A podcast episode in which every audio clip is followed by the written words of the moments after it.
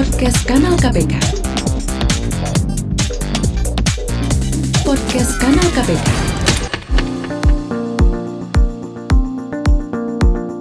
Kawan aksi, kawan anti korupsi, eh, kalau tadi kita sudah kedatangan dari SD Muhammadiyah 1 Surakarta, saat ini kita kedatangan Pak Kepala Sekolah, Pak Ecep Kustiwa Iya. dari SMP 10 Purwakarta. Kemudian ada juga Pak Sofyan, yaitu guru dari SMP 10 Purwakarta. Apa kabarnya nih Bapak-Bapak? Alhamdulillah. Alhamdulillah sehat ya Baik. Pak ya. Alhamdulillah sehat. Oke, oke Pak. eh, di agenda kita sore hari ini di podcast kanal KPK kita ingin membicarakan eh, bagaimana nih eh, perjalanan dari implementasi Iya. pendidikan anti korupsi atau PAK di sekolah SMP 10 Purwakarta. Mungkin saya langsung ke Pak Kepala Sekolah dulu. Iya, Boleh siap. diceritakan Pak? Eh, Oke, terima kasih Ya. atas waktunya. Eh, memang perjalanan pendidik, implementasi pendidikan anti korupsi di khususnya di kami di SMP Negeri 10 itu memang eh, apa namanya berjalan karena memang kami di Purwakarta itu memiliki payung hukum yaitu Perbub yang dikeluarkan tahun 2021 ya apa yang mengelua apa namanya di situ ada nama, lima bunga karakter. Ya. salah satunya adalah pendidikan anti korupsi Pendidikan anti ya. korupsi. Kemudian eh, untuk mengingat eh, karena di situ yang paling penting bagi kami adalah nilai karakter yang terkandung pada pendidikan anti korupsi yang kami sebut itu berjumpa di kertas. Apa tuh Pak artinya? Eh, Atau kepanjangannya? Eh, berani, jujur, mandiri, peduli, eh, kemudian eh, apa namanya disiplin, Disiplin, kerja keras dan sederhana. sederhana. Berjumpa di kertas. Kertas, ya. Mantap. Ya artinya kan artinya nanti dengan seperti itu siswa akan lebih lebih apa namanya lebih mengenal karakter-karakter yang terkandung dalam pendidikan anti korupsi. Seperti itu. Ya. Oke, eh, mungkin dari Pak Sofyan bisa menceritakan eh, dari berjumpa di kertas ini dari 9 nilai anti korupsi, eh, bagaimana kemudian implementasinya di sekolah itu sendiri, Pak? Oke, baik. Eh, kalau di SMP 10 Purwakarta, 9 nilai karakter ini berjumpa di kelas ini dikemas eh, dengan empat pendekatan atau empat strategi. Yang pertama adalah strategi intrakurikuler, yaitu Ya. menginsersikan dengan mata pelajaran PPKN dan PAI seperti PPKN dan PAI ya, ya, pelajaran pendidikan agama. pendidikan agama. Yang keduanya dengan pendekatan kokurikuler, karena kita sekarang punya program yang namanya P5 ya. Di kurikulum mereka ini ada P5. Terus yang ketiganya eh, ada strategi eh, ekstrakurikuler. ekstrakurikuler. Yang keempatnya ada strategi eh, budaya sekolah. Ya. Dan satu juga yang khas dari kami karena kami adalah sekolah ekologi, maka ada yang namanya eh, kelas kecakapan. Apa tuh, Pak? Kelas kecakapan ini adalah kelas yang memang didesain khusus untuk memberikan eh, keterampilan khusus, enam keterampilan yang diberikan kepada anak-anak yang ada di sekolah ekologi SMPN 10 Purwakarta. Oke. Jadi tadi ada empat pendekatan, Betul. kemudian satu lagi ditambah dengan sekolah ekologi betul, itu ya. betul, betul, Oke, betul. Eh, mungkin lebih jauh bisa kita eksplor dari empat pendekatan ini dan juga sekolah ekologi. Gimana tuh menerapkannya? Apakah di cukup di guru saja atau cukup di siswa atau blend antara eh, guru, siswa dan juga nanti orang tua wali murid? Oke, pendekatannya ini yang pasti semua terlibat, semua terlibat dari mulai stakeholder sekolah, dari mulai kepala sekolahnya, Kepala sekolah, guru ya, ya, ya Pak Ecap sendiri ya. Iya, betul, beliau Iya. luar biasa sekali. Guru, penjaga sekolah, Penjaga sekolah. TU gitu ya, orang tua dan siswa semuanya terlibat. Semuanya Ya, terlibat. terlibat dalam pendekatan ini Hmm. dan semua memiliki peran masing-masing Ya. seperti itu. Eh, di sekolah ekologi kita ada yang namanya tatanan yang dibalai artikan. Mm-mm. Nah ini, ini program yang memang luar biasa sekali dan salah satunya eh, program yang memang mendekatkan peserta terhadap alam. Bagaimana kita peduli terhadap alam yang kita tempati seperti itu. Bagaimana kita merawat dan berguru kepada bumi. Dan itu menjadi salah satu pendekatan yang kami lakukan untuk meningkatkan atau mengembangkan sembilan karakter tersebut seperti itu. Oke, menarik ya. Oke. Iya. Eh, mungkin kalau dari implementasi tadi Pak, kemudian apa nih tantangannya yang jadi kesusahan gitu ketika kita mengimplementasikan? Iya. Mungkin ke Pak Kepala Sekolah Pak. Ecep. Ya tantangannya luar biasa karena kan memang pendidikan karakter itu butuh proses. Ya. Artinya tidak bisa instan, kita tidak bisa mengukur misalkan sat- tiga bulan, triwulan atau semester atau satu tahun itu harus berjalan berkesinambungan. Ya. Dan memang seperti tadi itu meli- eh, apa namanya semua terlibat dari mulai kepala sekolah, guru dan siswa, terutama ya kepala sekolah guru itu memberikan keteladanan kepada siswa. Karena kan yang paling penting bagi siswa itu adalah keteladanan. Artinya kan tidak hanya bahwa mereka harus tahu nilai nilai karakter itu seperti apa, tapi tela, apa keteladanan yang diperlihatkan oleh Contoh realnya gitu ya Pak ya. Contoh realnya seperti apa ya? ya, contoh realnya misalkan ketika kami kami kan masuknya jam 6. Ya, eh, jam 6. Jadi setengah setengah 6 itu Bapak dan Ibu guru sudah berada di sekolah. di lingkungan sekolah. Iya, kami menyambut siswa begitu datang itu artinya kan kedisiplinan. Sudah Jadi- ada percontohannya berarti iya, ya. gitu kan. Jadi mereka ketika mereka datang jam apa, setengah enam atau sebelum jam 6 itu mereka melihat kepala sekolah, bapak dan ibu guru sudah ada di sekolah seperti itu. Jadi kan dengan begitu, oh ternyata hanya dengan apa namanya dengan contoh seperti itu itu akan akan melekat kepada diri siswa. Ya. Jadi tidak hanya bahwa disiplin itu kata-kata gitu kan, tapi Ya. ada perbuatan contoh dari real dari uh, guru-gurunya Dari seperti itu. Ya. Nah ini sudah ber- berjalan berapa lama nih Pak? Eh, apa namanya implementasinya ini Pak? Kemudian apa tantangan-tantangannya itu tadi bagaimana Pak?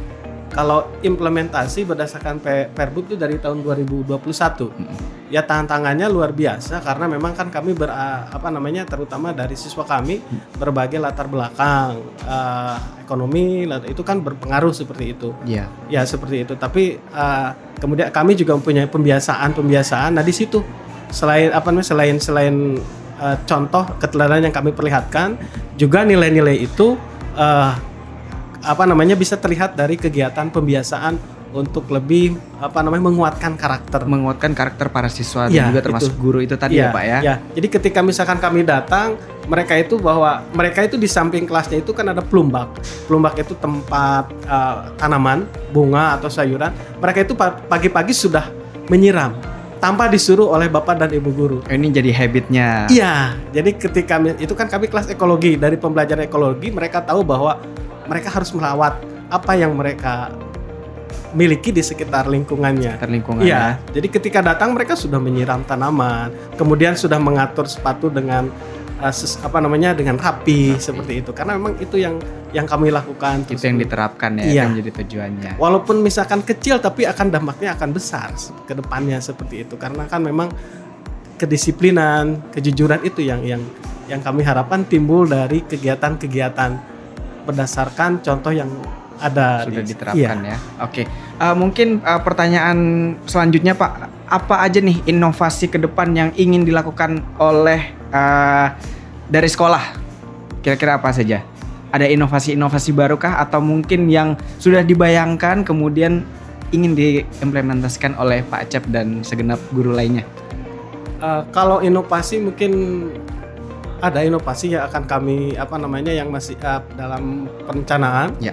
Dengan apa namanya kami kebetulan ini kurikulum di sana Mm. yang mengatur kegiatan. Artinya nanti uh, seperti inovasi inovasi terutama untuk ya mungkin di sekolah lain mungkin sudah pernah diterapkan, tapi di kami mungkin ad- belum seperti itu. ya. Seperti jam kejujuran Oh, ketika mereka masuk mereka itu tahu bahwa mereka jam 6 jadi kalau ketika mereka uh, lebih dari jam 6 mereka akan menulis bahwa mereka masuk itu jam 6 lebih Jam 6 misalkan lebih.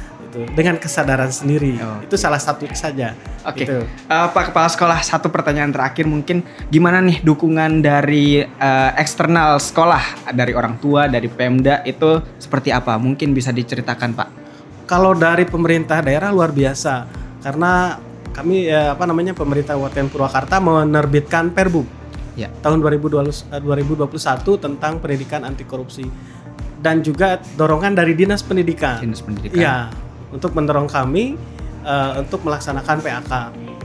Kemudian juga sosialisasi orang tua sama karena ketika orang tua datang ke sekolah memberikan pemahaman sekolah kami seperti ini, mereka mendorong kegiatan-kegiatan positif seperti itu yang ada di sekolah kami. Ada sekolah. Oke. Mungkin dari Pak Sofyan ada tambahan Pak? Iya, baik. Eh, mungkin untuk inovasi tadi sudah dari ini Pak Kepala dan jam kejujuran. Kita juga ada yang namanya galon kejujuran. Ya. Galon kejujuran itu adalah anak-anak itu kan di kita nggak boleh bawa bekal Pak. Nggak ada Oh, kantin. Oke. Nggak ada Di Purwakarta itu nggak ada kantin sama sekali untuk SD SMP-nya. Jadi siswa itu bawa bekal dari rumah. Betul. Nah ada yang namanya kan mereka pasti minum ya. Iya. Nah kita menyediakan galon dan mereka ada yang namanya galon kejujuran. Galon kejujuran itu mereka Apa tuh Pak? setiap Penasaran saya. Galon kejujuran. bukan gagal move on-nya. Tapi intinya galon kejujuran itu di setiap pas itu ada yang namanya uh, galon ya, galon yang memang mereka akan minum karena mereka bawa tumbler gitu ya, Ya. seperti itu. Nah mereka itu kan pasti habis ya satu hari habis. Nah mereka akhirnya eh, pergi ke ruang koperasi gitu ya atau ke ruang guru mereka membawa galon kosong dan mereka tinggal menukarkan saja menuliskan di sana nama dengan kelasnya dan mereka ngambil galonnya uangnya langsung disimpan Oh gitu. tanpa kita komandoi mereka nyimpan uangnya kalau kembalian ya mereka harus kembalian sendiri. Ya, berarti berdasarkan kejujuran masing-masing siswa ya. betul betul itu yang gitu eh, yang kami terus juga di, di di sekolah kami karena kami sekolah ekologi ada yang namanya pembelajaran eh, mindfulness dan eh, pembelajaran eh, pakai teknik hening Ya. hening seperti meditasi gitu ya karena karena itu salah satu cara kalau berbicara karakter itu kan intinya kita kadang-kadang lebih ke aksi padahal ada yang hal yang lebih penting bagaimana memindahkan gelombang otak kan gitu ya jadi bagaimana memindahkan gelombang otak nah salah satunya di kami itu eh, memakai teknik yang namanya eh, hening hening dan mindfulness learning dan satu lagi ada yang namanya body scan itu dipelajari oleh anak-anak kami supaya mereka lebih mengenal dirinya Ya. mengenal sesamanya dan mengenal alamnya. Karena ada tiga indikator di sekolah kami.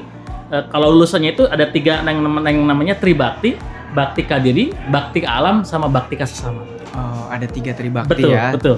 Jadi di kita itu eh, pokoknya mereka harus sayang sama diri sendiri, harus sayang sama orang lain, dan, Dan jangan lupa sayang- harus sayang sama sayang alam, alam. karena ekologi gitu ya. Ekologi, based on ekologi Iya ya, Pak betul, ya. betul, betul. Ya, oke. Oke, mungkin uh, cukup itu pembicaraan kita untuk sore hari ini. Terima, terima kasih kasih. banyak Pak Kepala Sekolah, Pak Ecep Ya, dan juga Pak Sofian. kasih. Ya, Uh, sama-sama. Kita akan lanjutkan dengan episode pendidikan anti korupsi. Selanjutnya tetap di podcast kanal KPK dan salam anti korupsi.